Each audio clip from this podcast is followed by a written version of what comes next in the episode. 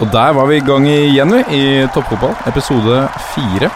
Nok en gang så er det deilig å se at du er tilbake i studio, Jørgen Kjernås. Velkommen. Jo, takk for det. Ja, har du hatt en fin uke siden sist? Det har vært en helt strålende uke. Også fotballmessig, da. Det, ja. Wimbledon har rykka opp til nivå tre. Det er ikke norsk fotball. Men Liten applaus for god gamle Wimbledon, kanskje? I, I, tillegg så har faktisk Hønefoss vunnet en kamp, som er laget mitt i Norge. Det det er ikke hver helg jeg kan juble for to seire, for å si det sånn. Så det, det må vi notere i boka. Så har vi selvfølgelig også med oss eh, Lasse Wangstein, velkommen. Hei, hei, takk for det. Du har hatt en strålende uke. Ja, helt på det jevne, kanskje. Ja. ja. Har jo, jeg har jo sett Vålerenga avansere i cupen, og det er jo kjempegøy. Mm. Og selvfølgelig da trekke ett av to lag man ikke skulle trekke i kvartfinalen på bortebane. Så det ble godset der. Det er jo ikke så gøy. Nei. Og så har vi selvfølgelig sett uh, en eller annen sopp som aldri har skåra før i Tippeligaen. Skårer to mål da i Tippeligaen mot Vålerenga på Color Line Arena. Så det er kjempestemning. Og det er morsomt, for det calla du forrige gang vi snakka om Ålesund Vålerenga. Ja. Jeg calla ikke han, da, men jeg calla til en eller annen Jeg tippa Riise. Han har ikke skåra ennå. Men uh, det blei jo han uh, Gyasi, han nederlenderen deres, som uh, ble kasta ut av treningsfeltet på torsdag for å slåss med yngstebror Riise. Så det er deilig. Ja, nei da, så fint det. Så av, litt sånn avspredelse med Jeg er nerd, vet du. Jeg driver med sånn fluefiske. Så jeg har fått fanga noen ørreter på tørt. Vet du. Det er gøy. Ja, da, det er det god stemning. Da senker skuldrene seg, så er det, da er det deilig. Og så har vi med oss eh, dagens eh, gjest. Det er en ære som, som Ørn Hortenmann, selvfølgelig, og et lite hjerte også til Vålerenga, så er det veldig gøy å ha med oss eh, Jørgen Jalland. Velkommen. Tusen takk for det. Hyggelig å være her. Ørn Horten fra 94 til 2001. Ja. Og andre perioden fra 2010 til 2014. 14, 2014. Mm. Spillende trener. Ja, siste to årene så var jeg det. Eh, dro tilbake etter jeg på en måte var ferdig å, å, spille profesjonelt, og hadde det veldig gøy med fotball i fem år til, faktisk. Så det var bonus. Mm. Og morsomt å være tilbake i gamleklubben og sånne ting, da. Ja, ja det syns vi alle sammen. Det var veldig gøy. Men du har ikke bare spilt der. Uh, du gikk jo, for, for, alle med brunt hjerte, så gikk du jo til, til Sandefjord i 2002. Ikke så populært. Ikke så populært. Hvordan var egentlig det? Jeg husker selv det ble snakket om, og det er sånn typisk sånn Horten-sjargong, det blir veldig internt, men da var det sånn Ja, nå gikk han for pengene. det var ikke snakk om at det var en klubb kanskje med litt større ambisjon. Nei, han valgte pengene, han i alle han. Nei, det, det, kan jeg avkrefte. Uh, jeg var jo faktisk i Sandefjord i år 2000, for da hadde ja. de rykka opp til førstedivisjon. Uh, og så rykka Ørn opp året etterpå. Da, jeg drev egentlig og studerte i utlandet, men jeg var hjemme og hadde lange sommerferie og fikk se, være hjemme og spille. Og da kom jeg tilbake til Ørn og, og bidro fordi de hadde rykka opp. Og så tok Tom Nordli over Sandefjord i 2002. Eh, da hadde jeg egentlig flytta til Oslo og begynt å søke på jobb etter ferdig utdannelse. Og så ble jeg veldig frista av det tilbudet. Eh, det hadde lite med, med ørn og med penger å gjøre, det, men det virka som han hadde tenkt å ta klubben opp et par hakk og gjøre det ordentlig profesjonelt, og mm. det hadde jeg lyst til å være med på. Ja. Så er, det er litt tilfeldig at du blei fotballspiller, egentlig? Ja og nei. Jeg har jo alltid et, uh, hatt uh, et ønske om det. Uh, men jeg studerte siviløkonom i Skottland, og så var det naturlig å begynne å søke litt jobber når jeg var ferdig. Det er liksom sånn man skal gjøre når man, man har studert ferdig. men så dukka det opp. Det var litt trått jobbmarked, og Tom Nordli ringte, og jeg sa ja. Og så har det egentlig bare gått videre derfra. Så litt tilfeldig sånn sett, kanskje. Ja. For du, du, spilte ikke fotball i Skottland? Jo, jeg uh, spilte fotball i Skottland. Jeg var faktisk på treningsopphold uh, med Heartshow Midlothian. Uh, I ganske lang tid, men uh, fikk en skade og fikk jo da selvfølgelig heller ikke kontrakt. så da gikk det ene året. Og så spilte jeg ikke når jeg var der det andre året. Jeg var der to siste årene av, av utdannelsen. Uh, så, så, da ble det litt fokus på studier siste året, men uh, som sagt, det var lange sommerferier. Så uh, jeg fikk med meg så å si hele sesongen her hjemme, da. Ja. Og du slapp den kjedelige vinteroppkjøringa i tillegg, da. Det, det, det, var bonus, det. Da, da ble det studentfester isteden. så gikk du videre til, til Vålerenga, hvor du også har spilt i to perioder. Og mellom der så er det som kanskje veldig mange fotball, norske fotballfans syns er litt uh, kuriøst og litt morsomt. Du er en av Hvor mange nordmenn har vi hatt i Russland? Er det tre med Strandberg? Ja Panser og, og Panser Strandberg. og- Det- med Demidov var jo der Ja, borte, han òg, for et par Ja. år siden. Ja, Så- riktig det. I Anshi, ja. Mm. Og så spiller vel faktisk Shuma Anene der. Det stemmer. Ja. Shuma Anene er i Russland nå, ja. Mm. Så det er, det er mye Vålerenga. Ruben Ru, Ruben, sier jeg. Rubin Kazan, mm. sa jeg det riktig? Ja, det hørtes veldig bra ut, det. Ja. Hvordan, hvordan var det? Kan du ikke fortelle oss, kan du ikke ta med oss litt tilbake til Russland? Ja, det var jo veldig Det var litt rart for meg. Jeg hadde jo ikke hørt om eh, klubben og visste litt om russisk fotball når det var en agent som ringte og sa det var interesse. Uh, for å gjøre en lang historie kort, så, så heiv jeg meg på. Jeg har alltid drømt om å, å få spille i utlandet, og det var det tilbudet som lå der da. Så jeg tenkte hvorfor ikke.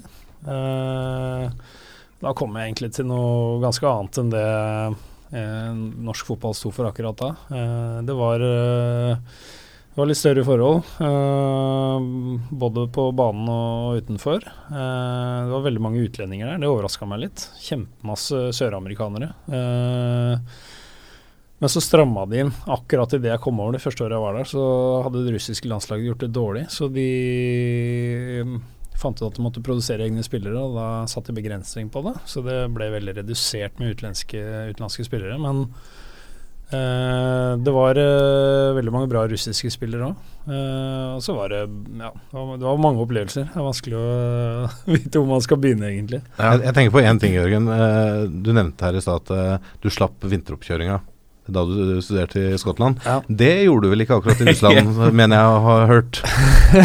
Nei, eh, det var egentlig ganske ålreit vinteroppkjøring der òg, sånn det var. Eh, det er jo veldig kaldt i Russland eh, på vinteren. Så vi eh, var ikke i Russland, faktisk, fra vi møttes første gang i januar. Og før eh, Ja, vi var vel i Russland to til tre uker før seriestart. Eh, Så i januar og februar og største delen av mars så var vi på treningsleire i, i Spania og Tyrkia. Og da var det type 14 dager treningsleir, og så var det en fire-fem dager fri. Eh, og så var det en ny 14-dagers uh, runde. Og sånn gikk vinteren. Så det var veldig annerledes eh, enn det, det vi er vant til i Norge. Litt mer midler der. Det var ikke, var ikke ti dager på La Manga. Nei, Ti ganger ti. vi var på La Manga òg, da, det skal, skal sies, men eh, også en del andre steder. Men du har, hatt en, du har hatt en lang karriere både som spiller og som trener. Vært innom litt forskjellige klubber og kulturer. Mm. du, Har du noen historier eller noen minner du har lyst til å trekke fram og dele med oss?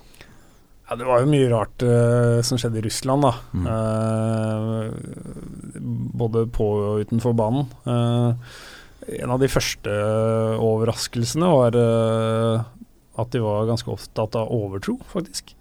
Eh, I Rubin så har vi et klubbhus hvor vi måtte overnatte dagen før eh, kamp. Uh, og på kampdag så skulle vi til stadion, og det tok et kvarters tid med buss.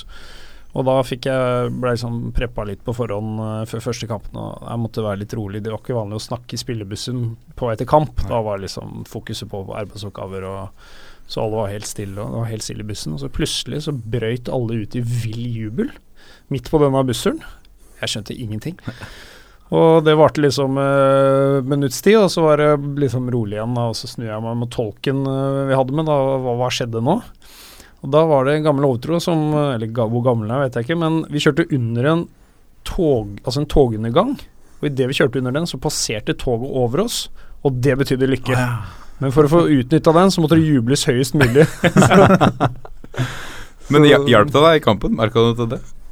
Jeg husker ikke hva resultatet ble, for å være helt ærlig. Men uh, det skjedde noe flere ganger da i løpet av det årene jeg var der, hvor vi liksom akkurat tima med det toget. Og det, det er jo spesielt, jeg må si det. Ja. Så, mm, og det var andre ting òg. De, de, var, de var liksom litt mer opptatt av ritualer da, enn det uh, vi nordmenn er. Treneren, uh, det var jo noe han personlig, det er ikke andre trenere som gjør der borte, men han hadde aldri på seg ytterklær. Og Vi spilte jo fra ganske tidlig på våren til sent på kvelden, og det, nei, høsten, og det kunne være omtrent minusgrader. Han sto i genseren. Ja. Eller dressjakke, da, som han ofte hadde på seg. Uansett. Det er, det er klasse. da. Ja, det var øh, Da var det en liten Han var muslim, da. Eh, Det var en liten øh, koran i den ene hånda, et bønnekjede i den andre. På, tre, på trening? Eller på, Nei, på kamp. på kamp, ja. I blazeren. Ja. Og, og hyla kommandoer. så, det var øh, Det var litt øh, Det var øh, ja, spesielt på den måten. Ellers var det mye annet. Eh, mange har jo hørt litt om det russiske samfunnet og hvordan ting fungerer der. Det er jo det er noe mer korrupt enn norske forhold. Mm. Så det var jo en del sånn litt artige uh, trefninger med politiet òg, må jeg si. da. Uh, blant annet en gang hvor jeg ble stoppa for å ha kjørt for fort. Uh, og det var liksom De tror de skal være litt macho der borte, så da først så røyk førerkortet. Det var, måtte være helt klart. Og så var det mulig det kunne bli noe bot. da, Så liksom ser de litt på deg for å se om det er noe Kanskje det kommer noen rubler opp av lommeboka. Og så kjente han meg igjen. For du er rubinspiller, du, og greier. Ja, ja, var det, ja. Ja, eh, dere skal spille kamp nå, et par dager til kamp, da. Ja. Skårer du to mål? Ja, jeg, skal ja, jeg kan skåre to. Ja, da var det greit. Skårte du to, da? Nei, jeg tror ikke det. Jeg slapp heldigvis å treffe på han senere, da, så, så jeg slapp av kroken.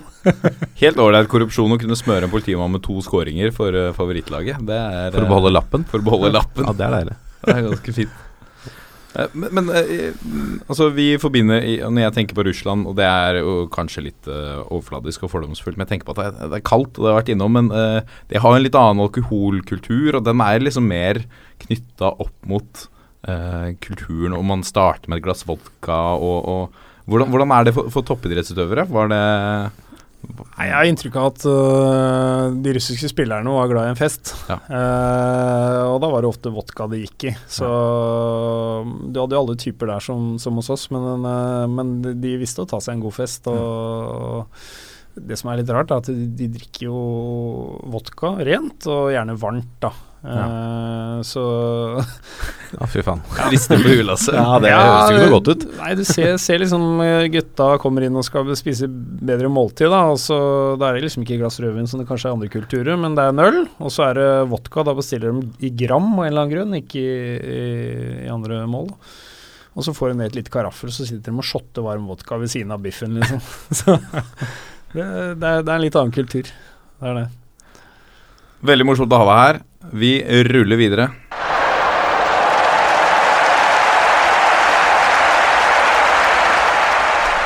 Og da er vi kommet fram til pulsen, hvor vi tar pulsen på bredde og topp og, og, og det som er. Åssen er pulsen din om eh, dagen, eh, Jørgen? Holder du, holder du, pulsen oppe? Spiller du noe ball? Jeg spiller litt ball, faktisk. I år har jeg begynt igjen. Uh, I fjerdedivisjon. Det er uh, mer enn høyt nok nivå for meg i disse dager. Så jeg har blitt med et lag som heter Fremad Famagusta, spiller i fjerdedivisjon her Fantastisk navn. Ja, det er veldig morsomt. Det, det, er en historie bak det, da. Ja.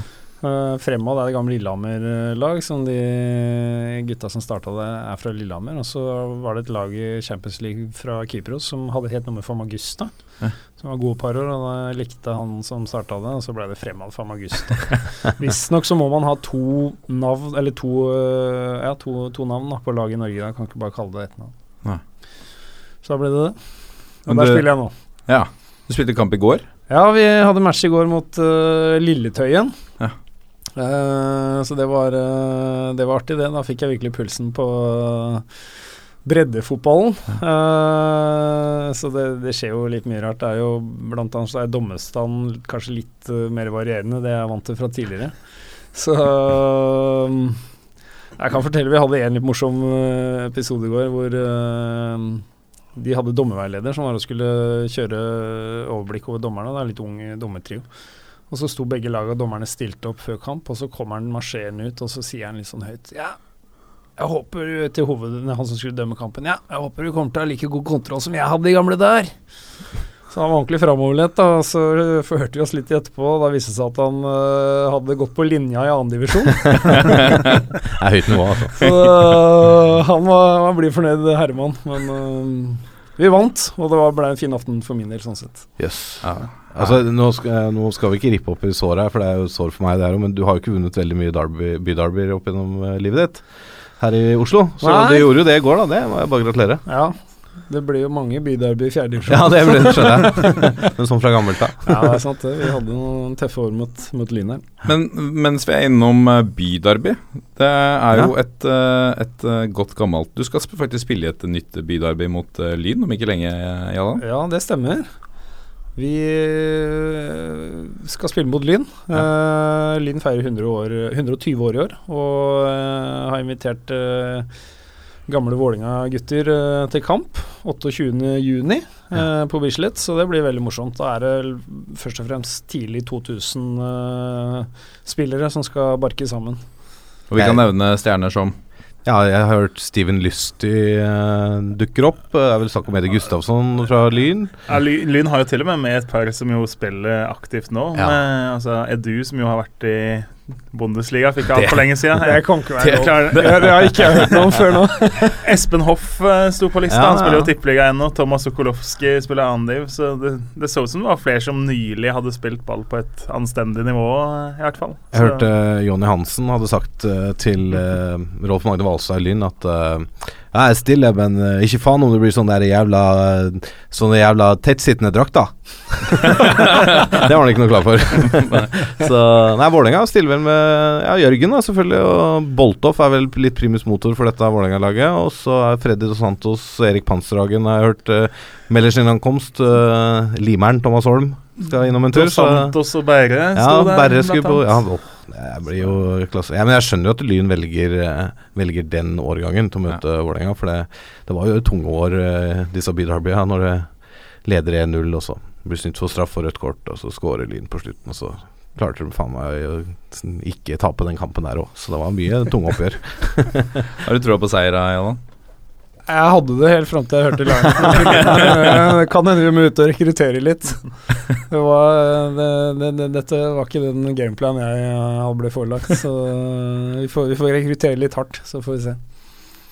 Vi driver jo uh, og leiter etter Det må vi si nå, vi leiter etter Norges eh, Wardy. Vi trodde vi fant den i hvert fall. Vi trodde vi hadde funnet den, men, men så dukker det opp litt flere kandidater. Vi må jo eh, fortsatt eh, trekke fram uh, Joakim Jokke, vi har jo kalt den Wardy. Han får låne kallenavnet foreløpig. Jokke Hansen eh, for Torp i, uh, i fjerdedivisjon. Femte, faktisk. Femte. Femte er det. Ja, femte. De slo jo, de slo jo Spydeberg 2-1 nå. Da putta han 1-1-målet. Nå står han med, med fem mål på de to siste. Det er uh, freskt. Han holder koken. Men, uh, og ære være han for det. Men det er flere, Wangstein, som, uh, som har et målsnitt som vi må trekke fram. Ja, jeg tenkte vi skulle ta en liten tur til eh, nabolaget mitt, da, oppe på Eidsvoll. Der har du et lag i tredjedivisjon, uh, avdeling 9, som heter Eidsvoll Turn. Ja. Dette laget rysta jo Strømsgodset til grunnvollene i uh, cupens eh, første runde der, og det var vel bare en kjempefeig dommer som uh, hindra en straffe og litt sånn. Og han BP gikk vel ut og sa at dette må være Norges beste tredjedivisjonslag. De har jo da starta sesongen med åtte seire og åtte mulige. Og på, to på topp der da så har de en uh, spiss som heter Martin Trøen. Han uh, har spilt sju kamper, seks av de fra start, og satt ikke mindre enn 18 mål. Det er helt vanlig. skåra 12 på de siste tre. og da tenker jeg at eh, det her er vel uh, en spiller som kanskje laget i høyere divisjoner bør begynne å snuse på. Ja. Det, jeg har forhørt meg lite grann, og det ryktes at det kanskje både Strømmen og um, Uh, jeg tenker, Og Ullkisa har vært ute med noen følgere der. Så det blir spennende å se hvis det blir en overgang i sommer om han tar nivået. Men uh, gjør han det, så kan vi i hvert fall begynne å snakke om en kandidat til eh, årets norske Wardy. Mm. Han var jo faktisk i Sogndal for eh, hvor lenge kan det være siden? Ett og et halvt år siden han kom tilbake. For Ja, han, han har jo spilt på yngre landslag liksom helt fra G15, G16 og oppover. Så det er jo Eidsvoll-gutt. Men så henta Sogndal han i kamp med ganske mange andre da. Ja. Så var han vel litt skada og fikk liksom aldri helt sjansen på førstelaget der, da. Og da istedenfor å spille tredjediv for Sogndal 2, så dro han hjem igjen til Eidsvoll. og Han er fortsatt ung, er vel 95-modell? Ja, jeg tror han er sånn Han er ganske Noe ung sånt ennå. på 95-96-modell. Så liksom fått litt kickstart igjen der. Og eh, bør jo være god nok for høyere divisjoner, da. Ja, nå kan jo ikke Eidsvoll heller rykke opp da fra tredjedivisjon.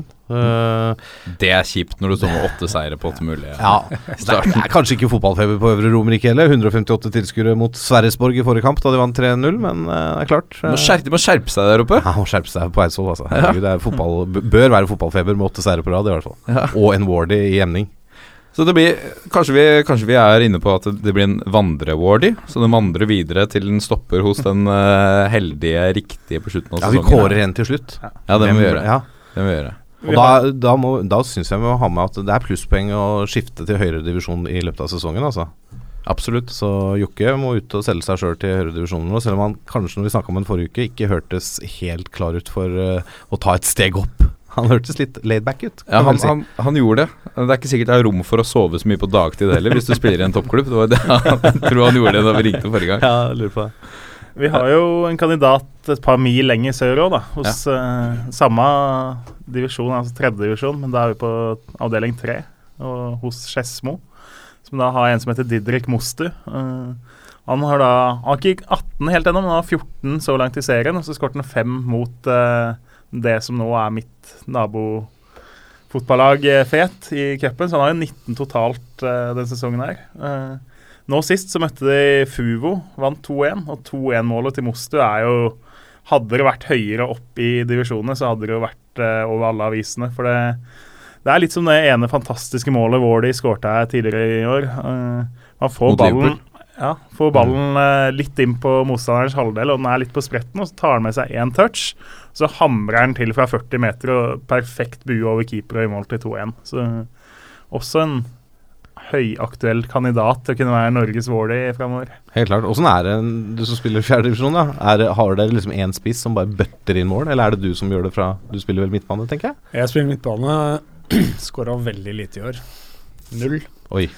Så øh, vi har, vi har faktisk en, øh, en spiller eh, som øh, dere får dra, ta, en, ta en titt på, eh, som eh, går litt ut- utapå oss andre der. Altså. Jeg vet ikke om han har spilt noe høyere tidligere.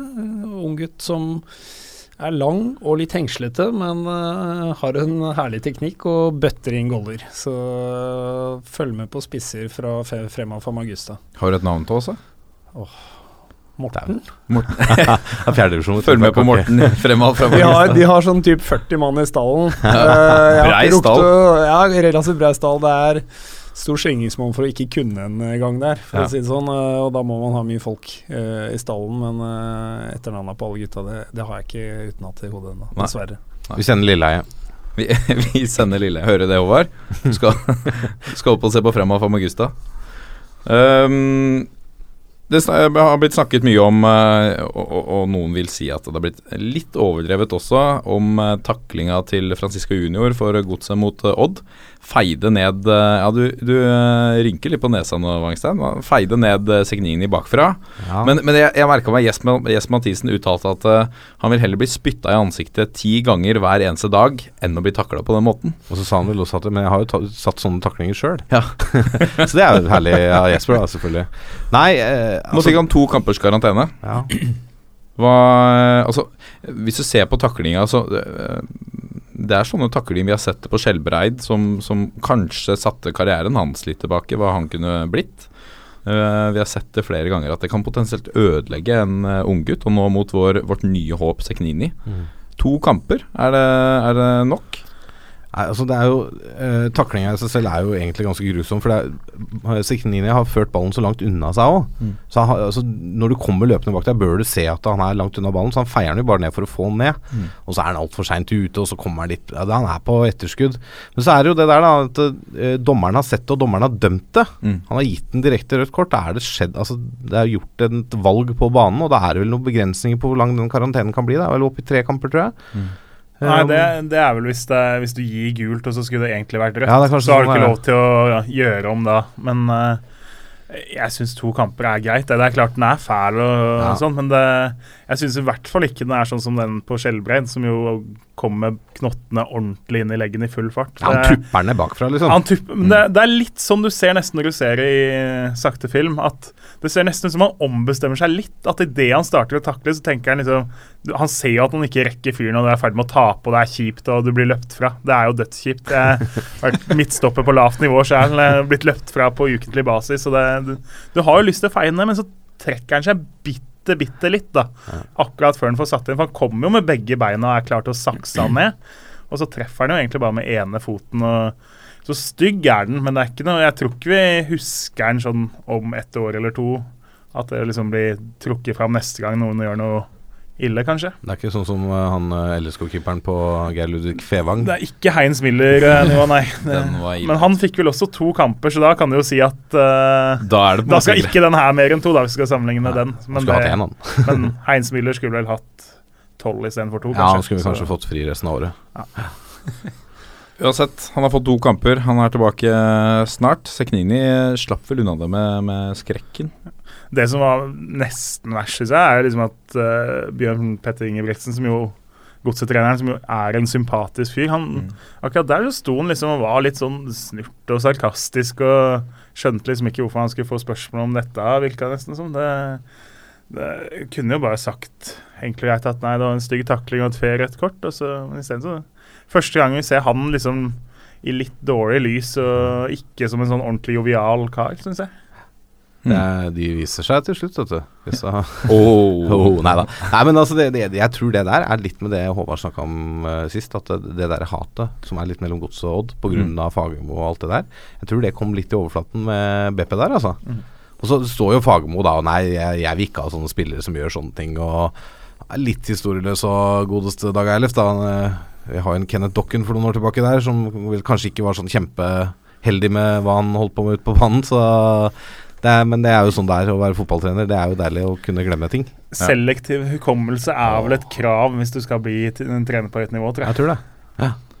Jeg har uh, fulgt med litt på Twitter, det gjør vi jo alle mann. Men jeg merka meg et par tweets som vi er nødt til å trekke fram fra den deilige breddefotballen. Vi skal til Skjetten, som uh, var og spilte kamp mot uh, Grorud. Dro med seg tre poeng. Uh, så skriver de på Twitter at vi reiser nok fra Grorud med tre poeng, men i garderoben forsvinner det en snusboks, en Red Bull uten sukker, en Burn og en iPhone. det, det, det, er, det er et ålreit regnskap etter tre poeng. Det må være greit. Ja, altså det er jo snusboks på et par eh, sportsdrikker, det må de tåle. iPhone er, jeg ser iPhone kan være litt sur, altså, men det, jeg vet ikke om det er så ille. Det er, det, ja, det er ille, selvfølgelig, men ja. Nå er jeg fra Groruddalen, så jeg vil jo si at uh, bare én iPhone i manko på en bortetur der, det, det, er egentlig mindre enn gjennomsnittet når jeg er i Groruddalen og spiller. Så det så jeg er fornøyd, egentlig, Skjetten. Ja. Har du vært borti noe sånn i, uh, når du spilte i litt forskjellige klubber? Uh, jeg har hørt noen rykter om at det foregikk litt, uh, litt Hva skal man si låning av gjenstander i en Vålerenga-garderobe på et eller annet tidspunkt. Men jeg vet ikke om du har vært innom det? Nei, det kan jeg ærlig ikke si at jeg husker så mye av. Altså. Uh, nå hadde vi stort sett låste garderober når vi var rundt og spilte. Uh, det hadde de her òg, på Ja, det var det. Men den var åpen når de kom det tilbake. Det er noen ja, som har universalnøkkel, vet du. Der er det nok noen nøkler ute og går. Uh, nei, jeg har opplevd lite av sånt, heldigvis. jeg husker jeg opplevde det en gang jeg var veldig ung og spilte i Ørn. Ja. Uh, da var det en av gutta på laget som hadde gått av treninga midt i, oh, ja. under treninga og skulle på do eller et eller annet, og kom tilbake på treninga. Så jeg hadde litt sånn dårlig øye til ham resten av sesongen. jeg fikk aldri bevist om det var han som tok den ventelappen eller ikke. Det fikk jeg aldri noe svar på. så helt tilfeldig må på do, liksom, og så er alle gutta tomme for cash? Ja, det var litt sånn seint på kvelden og bare A-lag som var igjen og trente, og så Man vet aldri, men eh, det, det lukta litt ugler i mosen der, altså. Jeg har lyst til å trekke, trekke fram en, eh, tweet til. Da skal vi til Ranheim 2, som slo Namsos 2-1 nå eh, Jeg tror det var i går? Eller var, det var i går, da, på tirsdag. Ja. Hvor Ranheim 2-spiller uh, sier at uh, om Namsos om, Skal jeg prøve meg på trøndersk? Om uh, Namsos berger plassen, skal jeg tatovere Bjarne Brøndbo i panna og Jean Torsvik på halsen. Nå heier jeg på Namsos, og virkelig, de må beholde plassen i år. Men da, da, må de jo topp fem, da, så det, jeg tror nok dessverre at uh, tatovørene i Nord-Trøndelag eh, ikke får noe inntekter der. Men det, det er klart, Leicester vant Premier League. Det, det, det, er større sjanse for at Namsos berger plassen, egentlig. da, Så det er helt håpløst det er det ikke, men uh, kan vi på en eller annen måte få satt i gang en eller annen folkeaksjon på å få styrka det Namsos-laget ganske kjapt? Selv, en liten kronerulling, eller? Ja, et eller annet. Det, altså, det finnes jo nok av lag som har spillere til over som er mer enn gode nok for Jeg vet ikke hvilken divisjon det er? Tredje-fjerde? Tredjedivisjon. Altså, ja, det finnes nok av lag i andredivisjon oppover som har spillere på benken og uh, ikke i kamptropp som er gode nok til å heve tredjedivisjonslag. Send dem til Namsos nå! Nå har jo vi snakka veldig mye om Sandefjord 2 her, som nå endelig er kicka ut av tredje tredjedivisjon fordi de ikke stilte kamp. Uh, og Den avgjørelsen er jo endelig nå. Så Sandefjord 2 har jo nå plutselig 20 juniorer uten en ordentlig kamparena. Det er klart, det er et stykke fra Sandefjord til Namsos, men det, det er vel noen hybler uh, oppe i Namsos òg, så Altså klarer Jørgen Jalland å pendle mellom Oslo og uh, Horten i fem år for å spille for Ørn. uh, så klarer de å pendle i et, en halv sesong til Namsos for å spille noen kamper der, altså. Det går helt greit. går vel noen fly òg fra Ja, ja, ja. Torp til, opp til Værnes. Ja. Så komme og spille tror du. Bjarne Brøndbo ville vært med på noe her? Er han positiv eller negativ til det her? Han burde jo sånn spytte noe. DDE-penger. Ja. Jeg syns det altså å få en tatovering i panna Det er ikke så mange som får det. For en hyllest! Ja, det er helt herlig. Fantastisk. Uh, vi uh, for, for en, vel en uke tilbake så, så var, var det en sak oppe at det har kommet nytt fokus på kampfiksing i, i Norge. Nå er det ansatt to på heltid som skal eh, Hva er det Du må, du må ta oss gjennom det, dette, Kjernås. Nei, det starta jo egentlig med denne kampfiksing-saken hvor vi hadde Asker og Follo for noen år siden. Og så har de nå i Lotteritilsynet endelig da har de funnet to eh, som har jobba i politiet, som skal jobbe for Lotteritilsynet med å bekjempe kampfiks i Norge. da. Mm. Eh, men så var det jo innslag på TV 2, og de har sendt ut pressemelding. Og det, det de ber om, da, er jo at hvis du veit noe, har du blitt kontakta av noen som er villig til å gi deg penger for å tape kamper, så må du si fra til oss. Og det hørtes liksom ut som det Det er det ene verktøyet de har i verktøykassa, stort sett. At uh, hvis noen veit noe, så si fra. Så Her skal de ikke gjøre noe øh, undersøkende arbeid sjøl, altså? jeg regner jo med det, men det hørtes ut som på en måte Vi sitter her og venter, vi, så Men for å tro de drar rundt. Men det, det er klart det er jo vanskelig å avsløre òg. Og det, det jeg ikke tror mange er klar over, er jo hvor vanvittige summer du faktisk kan sette på kamper på et veldig lavt nivå. da. Sånn som i kveld så kan du sitte og spille på f.eks. juniorkampen mellom Byåsen og Orkla. Mm. Og da snakker vi liksom ikke de beste juniorlagene i Norge. Da snakker vi to lag som kanskje er blant de 50 beste juniorlagene i Norge engang. Der kan du sitte nå live og spille, og veit du hvordan den kampen tjener, nei, ender, så tjener du fort eh, godt over 100 000, 200 000-300 000 på den, hvis du veit hvordan den ender, da. Og det, Du kan sitte og sette flere titusener på den live eh, nå, og det samme kan du gjøre med, da, med andre lagene i tredjedivisjon. Du kan gjøre det med annendivisjonskamper. Det, det er ganske vanvittige summer. Som, folk tenker liksom at ja, Hva gjør jeg? Du kan jo spille på andredivisjon hos Norsk Tipping, men det, du begynner å komme ned på de nivåa der det, Ja, for da begynner vi å snakke om også, Hvis du har et, et eh, juniorlag med, med litt lavere ambisjoner uh, Det er nesten altså Nå kaster jeg ut en brannfakkel, men at bettingselskapene her nesten oppfordrer til, eh, til en aktivitet som, som gir raske penger i kassa. Ja, og det her er jo litt sånn Der hvor du kan spille på det, er litt sånn Det er stort sett i Asia, merkelig nok, da, for folk som ikke er helt er inne i dette. At, så de sitter i Hongkong og, Mal Hongkong og Malaysia og setter store summer på de kampene her, da. Og noen gjør det jo fordi de ikke har noe bedre å ta seg til på en onsdag kveld i Kuala Lumpur, sannsynligvis. Men Tenk deg å sitte i Kuala Lumpur og spille på norsk femtedivisjon. da. no, noen veit Norsk Ja, juniorfotball. det er helt sykt. Men det er klart, jeg tenker selv, hadde jeg vært juniorkeeper eller keeper på et tredjedivisjonslag som uansett er på vei til å rykke ned, da. Mm. Det hadde vært fristende å få grandtante Olga eller en kompis eh, som ikke helt kan spores til deg, til å sette litt penger og slippe inn og lette baller. Det, det må jo friste.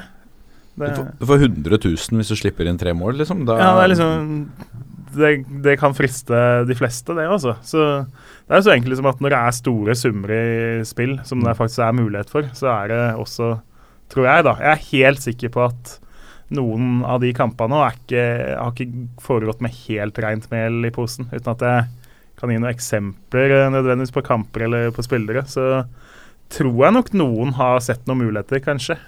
Men også, jeg, altså jeg har ikke satt meg så mye inn i det, men hvordan fungerer det? Er det sånn at en spiller kan få uh, penger fra en storspiller? At det, Vær så snill å slippe inn noen mål i den kampen her, så øh, drypper det litt på deg, eller er det Ja, det, er, det var vel det de mener har skjedd med disse Follo og, og Aske, blant annet. Da. Ja. Der var det jo noen som betalte noen for å tape kamper med vilje, og så had, hadde jo de da på forhånd satt store summer, så Ja. de vant jo masse, og så litt av den gevinsten gikk jo da til de som fiksa. Det, det er jo helt sikker på at noen ser muligheten til. Eh, eller at du spiller på egne kamper, da. Ja, ikke sant? Eh, Jørgen, du, du har tidligere snakket litt om, om uh, kappfiksing i Russland. Mm. Har du noen noe konkrete minner av det? Noen situasjoner som du husker? Ja, jeg syns jo det er interessant å sitte og høre på deg snakke, fordi jeg har opplevd det her uh, egentlig litt nært på kroppen. Mm. Og kampfiksing og, og uredelig oppførsel på en fotballbane, det er det mest negative jeg har opplevd Mm. i fotballen. Eh, ødelegger hele gleden med å spille. Det er Mm. meningsløst å spille kampen. Jeg har opplevd både at eh, vi har vunnet kamper, og at vi har tapt kamper hvor det har vært eh, ja, ganske tydelig at det har vært forhåndsbestemt, da, i hvert fall presset på. Uh, vi, hadde, altså, nei, vi hadde jo en jeg, jeg husker en episode hvor vi skulle spille mot et, et eh, lag som Dette var slutten av sesongen i Russland, da. eh, 2005. Eh, skulle spille mot Terek på bortebane. Vi vant den kampen, eh, og et par, dag, par dager etterpå så var alle spillerne på klubbhuset. Vi, eh, jeg tror vi skulle ha to økter, og vi var beordra på rommet for å slappe av imellom, eller noe sånt. Mm. Da banka det på døra, så kom kaptein og visekaptein, sto på utsiden eh, med en stor bunke nystrøkne dollarsedler og delte ut. Eh, ja, du starta kampen, bladde opp en ganske feit bunke. Eh, du kom inn som innbytter, litt mindre bunke. Mm. Det var et tredje lag som hadde betalt oss for å vinne kampen mot Terek. Slik at ja. de unngikk nedrykk, eller få større sjanse til å holde seg. Ja. Eh, akkurat da så visste ikke jeg noe om det under kampen, eh, men så, så var det andre episoder hvor det var eh, veldig ofte dommeravgjørelser i Russland da, eh, som gikk imot deg. Det gikk på gule røde kort, eller røde forsynsrett, eh, forholdsvis, og straffespark. Ja. Det, var, det ble, ble blåst mye rare straffespark. Jeg husker vi vant borte mot FC Moskva. 5-0. Mm. Fikk to mål tidlig, fjerde og sjuende, og så rant inn et par til i første gang. Så leda 4-0, skåra ett i andre. Så kom vi inn i garderoben, og det var litt ut på høstsesongen, og det var viktig med plassering og egentlig en viktig match. Mm. Så vinner du 5-0 på bortebane mot et lag som ligger rett ved deg på tabellen. Mm. Stemninga i garderoben var helt flat. Ja. Ingen som var glad, ingen som jubla. Folk bare kikka litt på hverandre og hadde litt sånn dårlig feeling. Fordi alle satt igjen med deg med den følelsen av at dette var ikke Nei, jeg visste ikke noe om det før kampen, men jeg skjønte umiddelbart når kampen var litt i gang, at uh, her er det noe rart. Mm. Uh, og gutta var litt flaue når de satt i garderoben, mm. Men, rett og slett. men den kampfiksa hvor du får penger for å vinne en kamp, Ja. den er jo Den altså, er mer uskyldig på ja, en på måte, en måte, for fordi det det, har er du lyst til å gjøre. insentiv, og, og du får jo, mange lag får jo bonus av egen klubb for å vinne, så Ja. sånn sett kanskje mer uskyldig, men uh, Nei, jeg, jeg sier ikke at det er uskyldig med kampfiksinga, men, men det er kanskje vanskeligere å gjennomføre òg enn å legge seg, da. For det er liksom, du må jo Altså Ja. Hvis det andre laget gir full gass, så må jo du spille det, din beste fotball og kanskje litt til av og til for å vinne den kampen, men hvis du går ut og sier at eh, FC Moskva da la seg, da, og Mm. tapte 5-0 med vilje, Mm. Det er jo mye lettere å gjøre det, vil jeg tro, da. Å fikse kamper på den måten. At en keeper har noe brøler og litt sånn. Du vet ikke om du betalte et par av gutta på Terek for å spille dårlig heller? da? Det kan Kanskje jo de jobba litt mot begge Ja, leirer. Og så får du kontrakt hos oss neste år. Men jeg har lyst, jeg har lyst til å holde litt i Vi, vi snakka litt om det innledningsvis også, og, og også før, eh, før vi gikk i studio i dag. Eh, reiseavstander og litt sånne ting i, i Ja. Russland. Hvordan eh, det, er ikke, det er ikke en eh, ordinær bortetur, kanskje? Det er lite bussturer. Ja. det er fly som gjelder. Eh, vi hadde jo Det er mange lag som er fra Moskva. Jeg hadde to timer i fly dit, så det var greit. Mm. Så var det en del andre De aller fleste lagene ligger på vestsiden av Uralfjellene. Mm. Uh, så det, er, det kan være fire-fem timer i fly. Men uh, plutselig det var et lag som uh, dukka opp, og som holdt til i Vladivostok. Eh, det var en litt annen reise. Det, og da mm, skulle jeg bortekamp mot dem, og da ble det leid et fly. Uh, ganske stort fly, så vi skulle ha god plass til å kunne sove litt på fly og sånn. da. Uh, så viser det seg at uh, det tar ti timer å fly, oh, og vi skal over ni tidssoner. så vi fløy bort der, prøvde å sove litt på flyet. Det er jo ikke eh, så behagelig alltid, da. Eh, og så landa vi, og så rett til spillerhotellet. Mm. Eh, og så var det da par timer på hotell, hotellrommet. Folk hadde nesten ikke sovet ikke sant, i ti timer i flyet, så vi fikk duppa litt. Og så gikk det vel igjen. Så var det opp og få matchmat. Ja. Kylling og ris. Det var litt sånn som å legge seg og så stå opp etter to timer igjen, ikke sant. Ja. Um, Og da måtte vi holde oss våkne til kampstart. Låne 2-0 etter 20 minutter, og så var det bare å begynne å glede seg til flyturen hjem på ti, ti timer. Men at de ikke la inn noen flere dager for å akklimatisere seg Jeg vet jo sjøl, å fly langt Du er sliten da og skal ut og spille fotballkamp og uten søvn og med ni timers tidsforskjell i kroppen. Du føler deg jo fyllesyk eh, i beste fall. Ja, det var sånn følelse, den følelsen man hadde på banen òg. Så det var, det, jeg, jeg får ikke håpe at de har fulgt den reiseplanen senere. Men det, noe som er litt interessant, er å tenke på dette laget, da. Uh, Luch Energi hvordan de har det. For de skal jo da til uh, andre veien, annenhver kamp. Ja. Oh, ja. de søkte faktisk om å, dispensasjon for å kunne spille to bortekamper og så to hjemmekamper, slik at uh, det var mulig å liksom Restituere Ja, og liksom da ville bo i Moskva, da, ikke sant, og spille mm. to matcher og så hjem. Men det var blankt avslag. Ja. Så de gikk ned igjen året etter, da. det ble tøffe reise...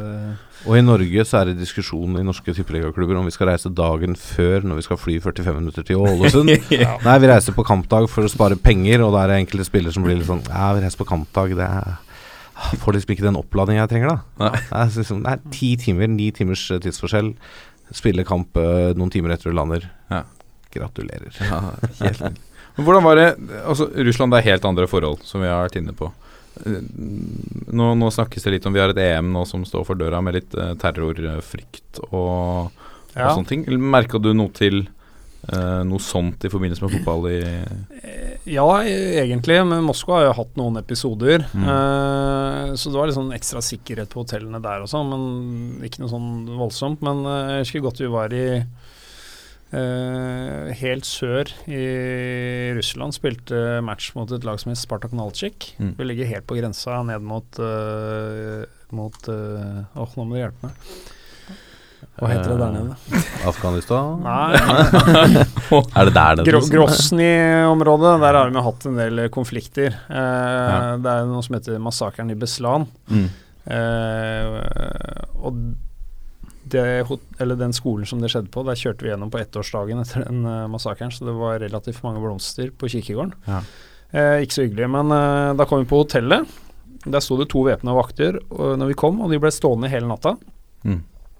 Så vi syntes det var litt guffent. Uh, sovna vel etter hvert, og det var helt uh, nytt for meg i hvert fall. men så kom vi på matchen.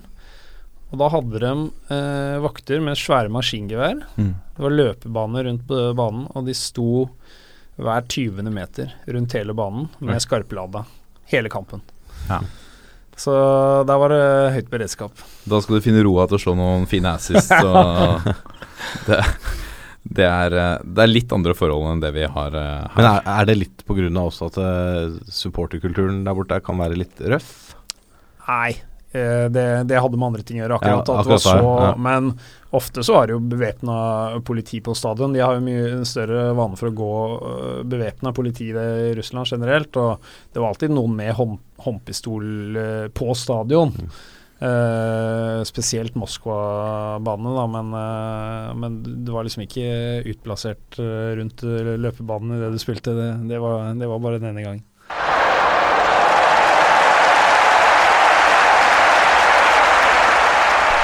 I forrige uke hadde vi en konkurranse i samarbeid med VIPS fra DNB, hvor vi spurte dere hvor mange mål som er skåret i kommende serierunde. Og den som kom nærmest svaret, var Magnus Hoven Sørby, som nå kan gledes glede seg over en splitter ny kaffekopp. Er du en del av en fotballklubb som skal ha et arrangement, et pølsesalg eller lignende, så er det sånn at hvis fotballklubben din har VIPS, så kan du enkelt betale ved å sette over penger via VIPS til fotballklubben din. Vi har valgt å bruke det til å spørre dere fordi vi er på jakt etter en ny Wardy. Norges svar på Jamie Wardy. Og så har vi fått eh, et par gode tips, og nå ber vi dere om flere. Flere Wardies i Norge som vi skal sjekke ut. Måten du gjør det på, er å gå inn på vips appen din, klik klikke 'send penger' og legge inn én krone eller ti kroner, alt ettersom hvilket beløp du har lyst til å gi, og så sender du de pengene til Kreftforeningen med i meldingsfeltet så skriver du toppfotball, mellomrom, hvilken spiller du mener er Norges nye Jamie Wardy. Og da er vi på jakt etter alt fra tippeliga til syvendedivisjon. Spillere du mener vi må sjekke ut.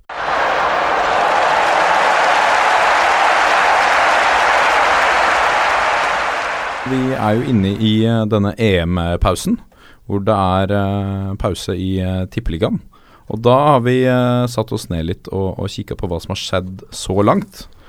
Vi kan jo begynne med uh, vårens overraskelser, med de positive overraskelsene. Vangstein, har, har, du blitt overrasket av noen uh, lag eller spillere? Ja, jeg tror kanskje mange tenker sånn umiddelbart på Haugesund. Mm, uh, men uh, for min del så er det egentlig Brann, altså. Mm. De er nyopprykka tross alt. Ligger på sjetteplass, er ett poeng bak medalje. Skårer jo ikke så mye mål, men uh, har vel vunnet nå seks hjemmekamper på rad med Er det 1-0 i hver kamp, eller omtrent? Ja, stort sett. Ja, De har ikke sluppet inn mål, i hvert fall på seks hjemmekamper.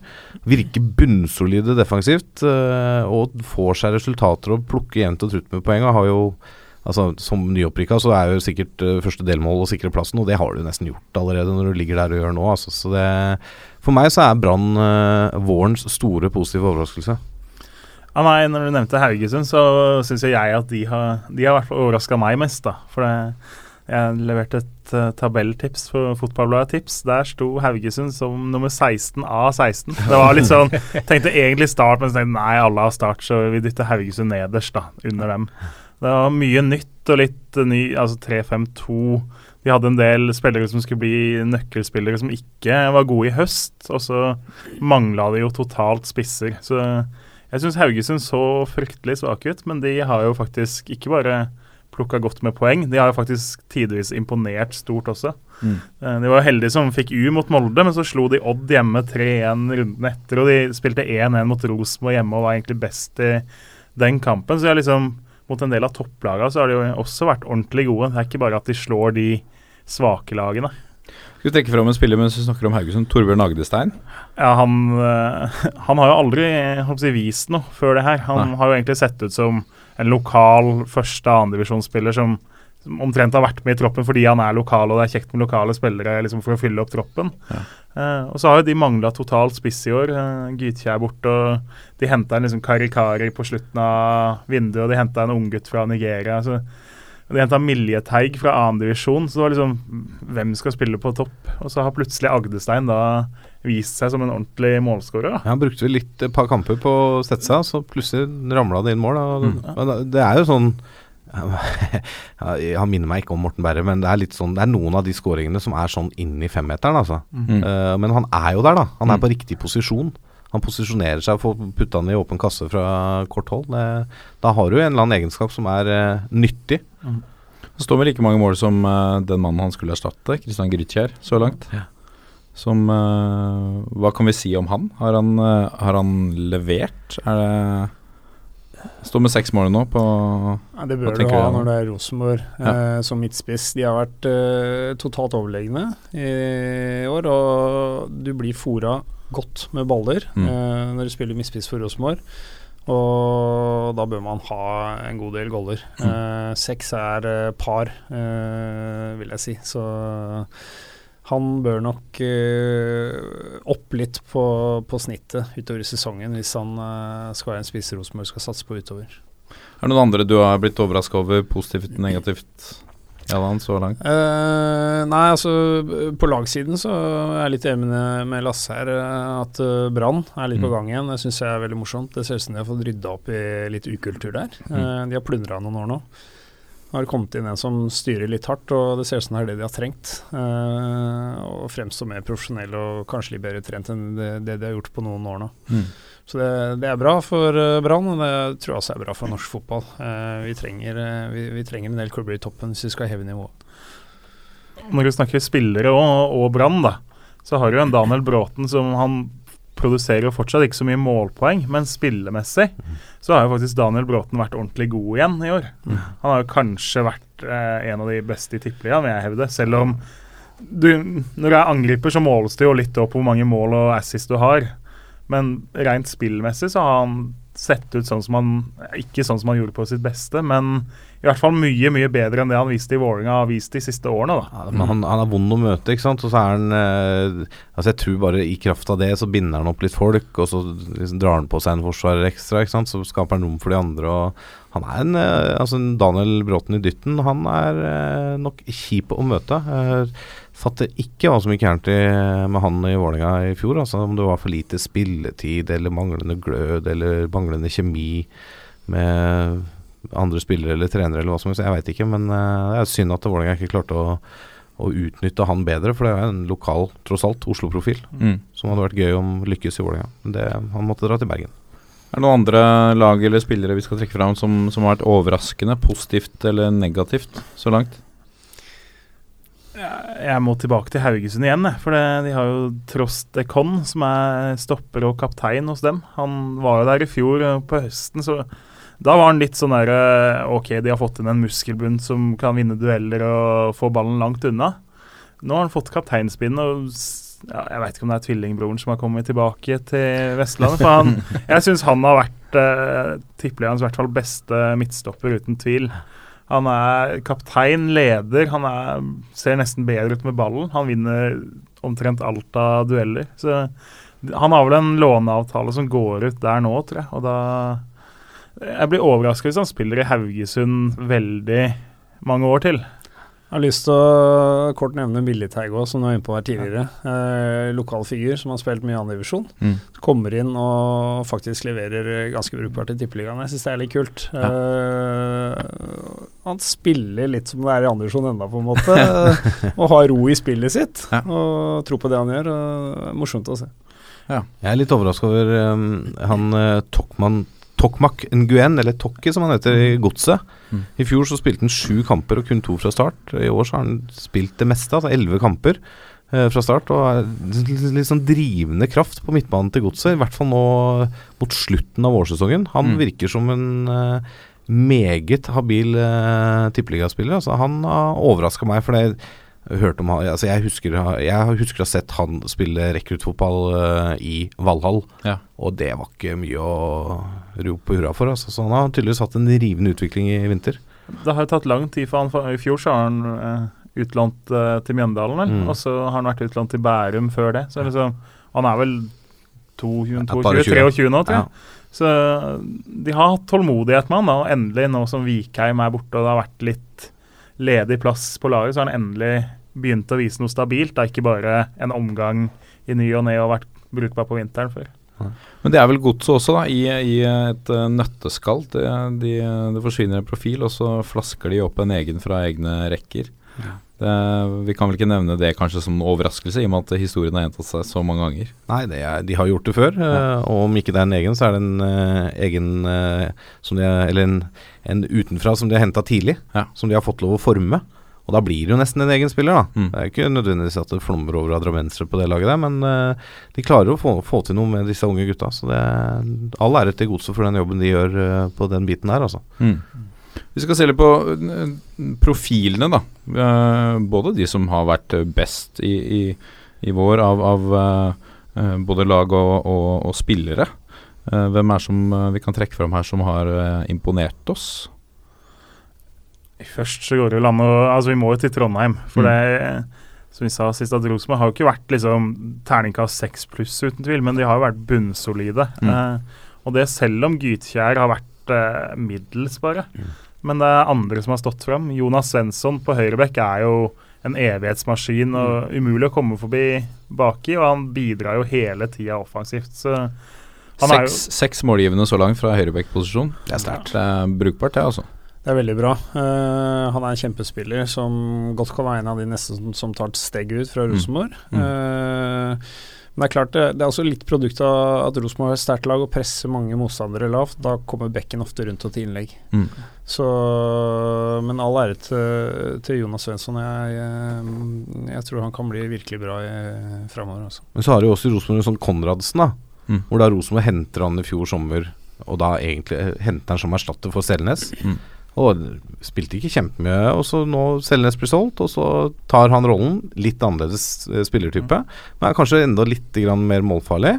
Men gjør rollen sin og er en veldig viktig brikke for det Rosenborg-laget. Altså, mm. Konradsen er, en, er, rett og slett en klassespiller. Ja. Så det, det er, og, og, Rosenborg, altså det er et det er et kanongodt fotballag. De skår, det er som vi om, de skår, vinner ikke sånn 5-6-0 og sånn, men de vinner masse kamper, taper nesten ikke poeng. Og er, jeg, jeg, klarer virkelig ikke, jeg har sagt det før, altså jeg klarer ikke å se noen andre lag i Tippeligaen som skal utfordre om gullet. Det tror jeg bare å sende, sende til Barth Ovestad med en gang, altså, for det, det der tar Rosenborg lett. Ja.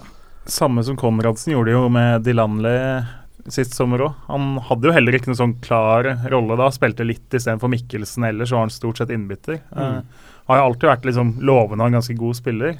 I vår så syns jeg han tidvis har vært en pro ordentlig profil og endelig litt stabil over litt tid. da. Nå ble han jo skada helt før uh, sommeren. Hvis ikke så hadde han vel fort vært med og spilt uh, landskamper nå, tipper jeg. Ja, og jeg, jeg tror det Rosenborg gjør riktig der, at de henter dem og så gir dem den tida til å bli kjent med spillestilen, bli kjent med klubben, og gir dem litt sånne drypp nå og da. Og så ser det litt sånn halvveis ut når de får prøve seg.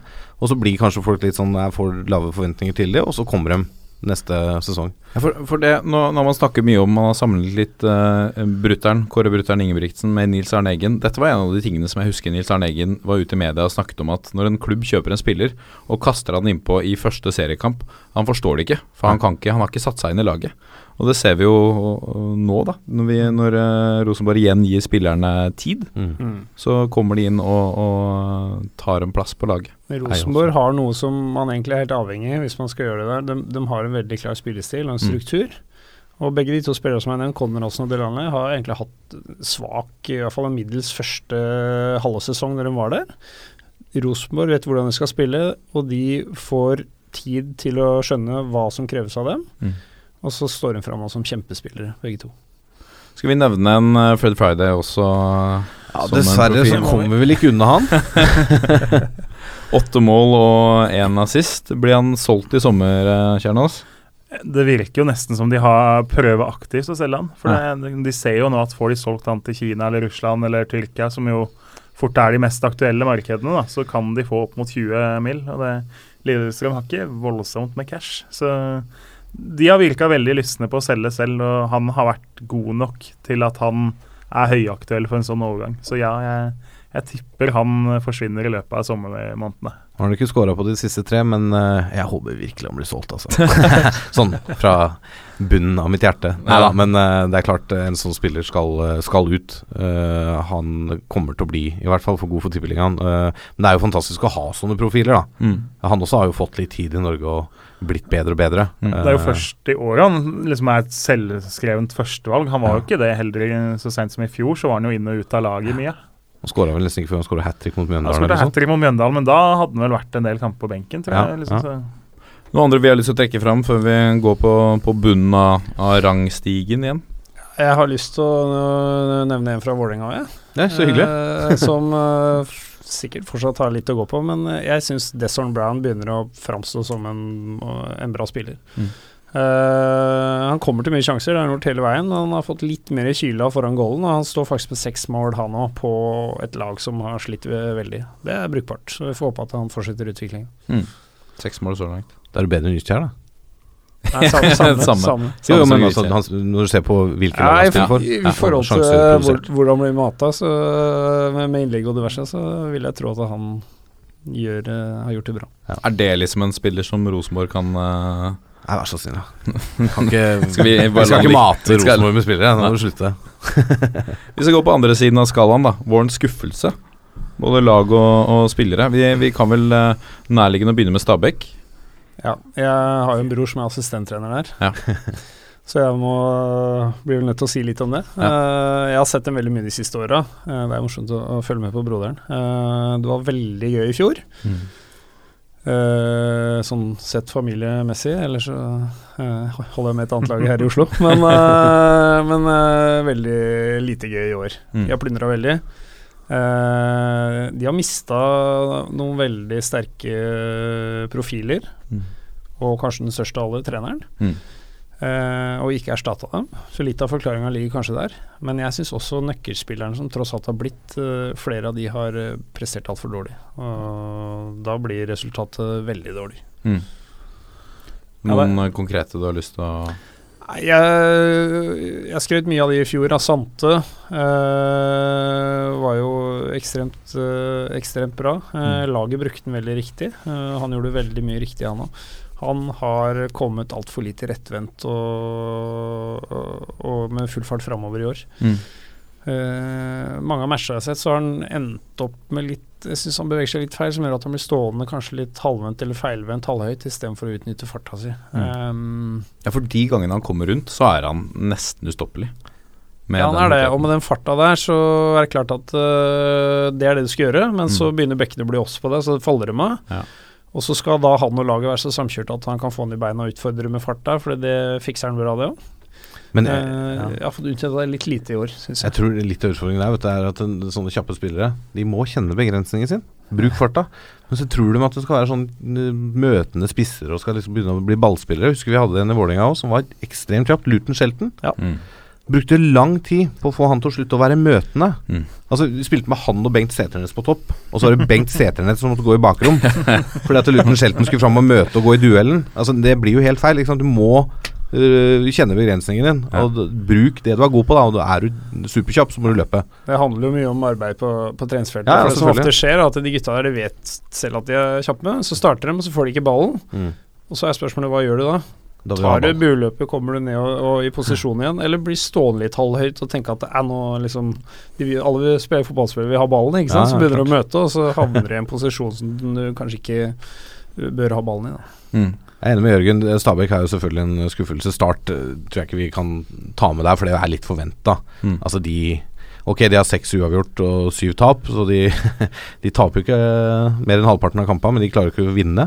Så de tror jeg vi bare kan uh, si takk og farvel til. Det blir Obos-liga neste år. Uh, men sånn i god uh, konkurranse med Stabæk, så syns jeg Vålerenga har vært en av vårens store skuffelser. Mm.